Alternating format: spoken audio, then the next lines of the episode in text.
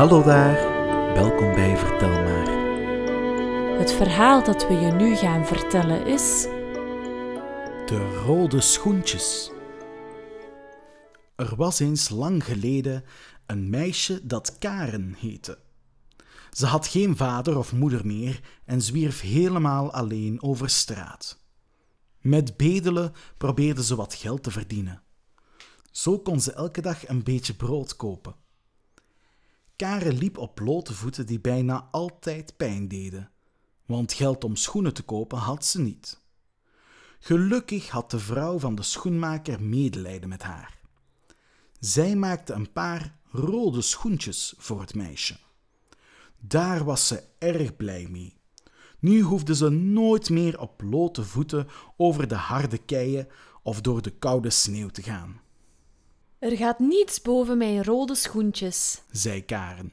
Op een gure winterdag stond Karen bibberend van de kou op het plein te bedelen. Plotseling stopte er een deftige koets. Er zat een chique oude dame in met een prachtige hoed op. Toen ze het meisje zo alleen zag, vroeg ze vriendelijk: Hoe heet je, lief kind? Karen, mevrouw. Moet je niet naar huis? Ik heb geen huis, mevrouw. Maar waar slaap je dan vannacht? Karen keek de dame aan en begon opeens te huilen. Ze wist echt nog niet waar ze zou slapen. Het was altijd ergens anders. Soms onder een brug, soms in een portiek, soms sliep ze zelfs helemaal niet. De dame kreeg zo medelijden met het arme meisje dat ze zei: Stap maar in. Vanavond eet en slaap je bij mij. Eén nachtje werden twee nachtjes. Twee nachtjes werden er drie. En op de vierde dag vroeg de lieve dame of Karen misschien voor altijd bij haar wilde blijven wonen. Het meisje wilde niets liever. Ze kreeg heerlijk eten, droeg prachtige jurken en ging elke dag naar school. Haar oude rode schoenen waren al lang in de vuilnisbak beland. Nu had ze mooie, zwarte lakschoentjes. Maar Karen veranderde jammer genoeg niet alleen van buiten, maar ook een beetje van binnen. Ze vond zichzelf wel heel erg knap en stond vaak voor de spiegel. Dan paste ze mooie jurken en zette de grote, deftige hoeden van de oude dame op. Ze bekeek zichzelf van alle kanten. Daarbij danste ze de hele tijd, want Karen was gek op dansen. Oh, wat zie je er toch ongelooflijk mooi uit tegenwoordig, zei ze al dansend tegen haar spiegelbeeld. Op een dag bezocht de koningin de stad waar Karen woonde. De koningin had haar dochtertje bij zich en iedereen wilde het jonge prinsesje zien. Ook Karen ging kijken. Het prinsesje zag er beeldig uit. Ze had een prachtige witte jurk aan, waaronder ze schitterende rode schoentjes droeg. Karen kon haar ogen er niet van afhouden. Ze waren heel wat mooier dan de rode schoenen die ze zelf ooit gedragen had. Niet lang daarna waren de zolen van haar zwarte schoenen helemaal versleten van het dansen. De oude dame gaf haar geld om een nieuw paard te kopen. De schoenmaker had tientallen glanzende, nette schoenen, maar Karen liet haar oog vallen op een paar rode. Ze kocht ze en ging dansend van geluk op haar nieuwe schoentjes naar huis. Maar de oude vrouw was er helemaal niet blij mee. Dat zijn dansschoentjes, Karen. Daar kun je echt niet mee naar school of naar de kerk. En morgen is het zondag. Dus doe dan je oude zwarte lakschoentjes maar weer aan. De volgende ochtend deed Karen toch haar nieuwe rode schoentjes aan. Ze kon het niet laten, ze stonden haar zo mooi. Karen huppelde naar de kerk.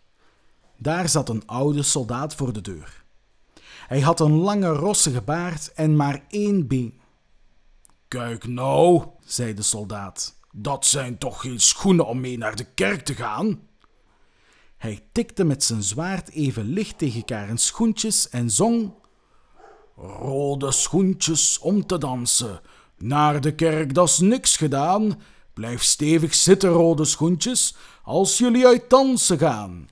Karen ging de kerk in, Maar ze had steeds het gevoel dat iedereen naar haar voeten keek. En dat was ook zo. Rode dansschoenen in een kerk, dat kon echt niet.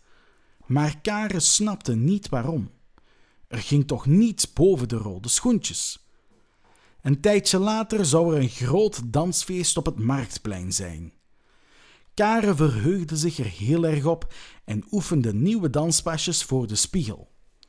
Daarbij zong ze: Kijk mij in die mooie jurk, dat verveelt geen ogenblik. Kijk mij op die rode schoentjes, niemand danst zo mooi als ik. Maar op de dag van het feest werd de lieve oude dame erg ziek. De dokter kwam en zei dat ze zich maar goed moest laten verzorgen door Karen. Dat wilde het meisje natuurlijk ook wel, maar daardoor kon ze niet naar het feest. En ze wilde zo graag op haar rode schoentjes over het plein dansen. Nu zat ze aan het ziekbed van de vrouw, terwijl ze in de verte vrolijke dansmuziek hoorde. Toen de oude dame in slaap was gevallen, deed Karen snel haar rode schoentjes aan en glipte het huis uit. Eventjes dansen, dat kon toch wel? Niet veel later zwierde ze over het plein. Ze voelde zich heerlijk. Ze danste en danste en voelde zich zo gelukkig dat ze helemaal vergat dat ze thuis nodig was. Rond middernacht was het feest afgelopen. Karen schrok toen ze dacht aan de zieke vrouw die al veel te lang alleen was. Ze moest snel naar huis, maar het ging niet.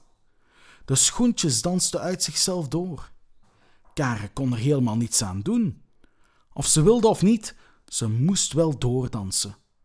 De schoentjes sleurden haar mee door de stad, over straten en pleinen, de hele nacht door. Ze danste en danste en hoe er ook tegen vocht, ze kon niet anders dan dansen, dansen en nog eens dansen. De volgende ochtend danste ze de stad uit. Door de velden, langs dorpen en boerderijen. Ze danste langs kerken en kastelen, over bergen en door dalen, en het was alles behalve leuk. Met voeten vol blaren kwam Karen uiteindelijk haar eigen stadje weer ingedanst. Bij de kerk zat de oude soldaat nog altijd op de stoep. Help me! riep Karen uitgeput. Jij hield toch zo van dansen? vroeg de soldaat. Jawel, maar de oude dame heeft me nodig, riep Karen, terwijl ze nog een pirouette draaide. Aha, je kunt dus toch nog aan een ander denken, zei de soldaat. En hij zwaaide met zijn zwaard terwijl hij zong: Rode schoentjes om te dansen, naar de kerk, dat is niks gedaan. Laat maar los nu, rode schoentjes, zodat ze gauw naar huis kan gaan. Onmiddellijk schoten de schoentjes van haar voeten en ze danste alleen, nou ja, met z'n tweeën, vrolijk verder. Karen viel doodvermoed neer, maar krabbelde snel overeind.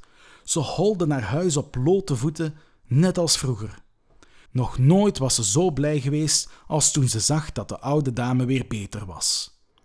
Diezelfde lieve dame die haar ooit van de armoede had gered. Karen viel op haar knieën voor haar neer en zei dat ze ontzettende spijt had. De oude dame gaf haar een dikke zoen op haar voorhoofd en zei: Het is goed. Ik heb het je al vergeven, want volgens mij ben je nu van je ijdelheid genezen. En de rode schoentjes? Het schijnt dat die gewoon door zijn blijven dansen. Over straten en pleinen, door zon en regen. Misschien kom je ze nog wel eens tegen.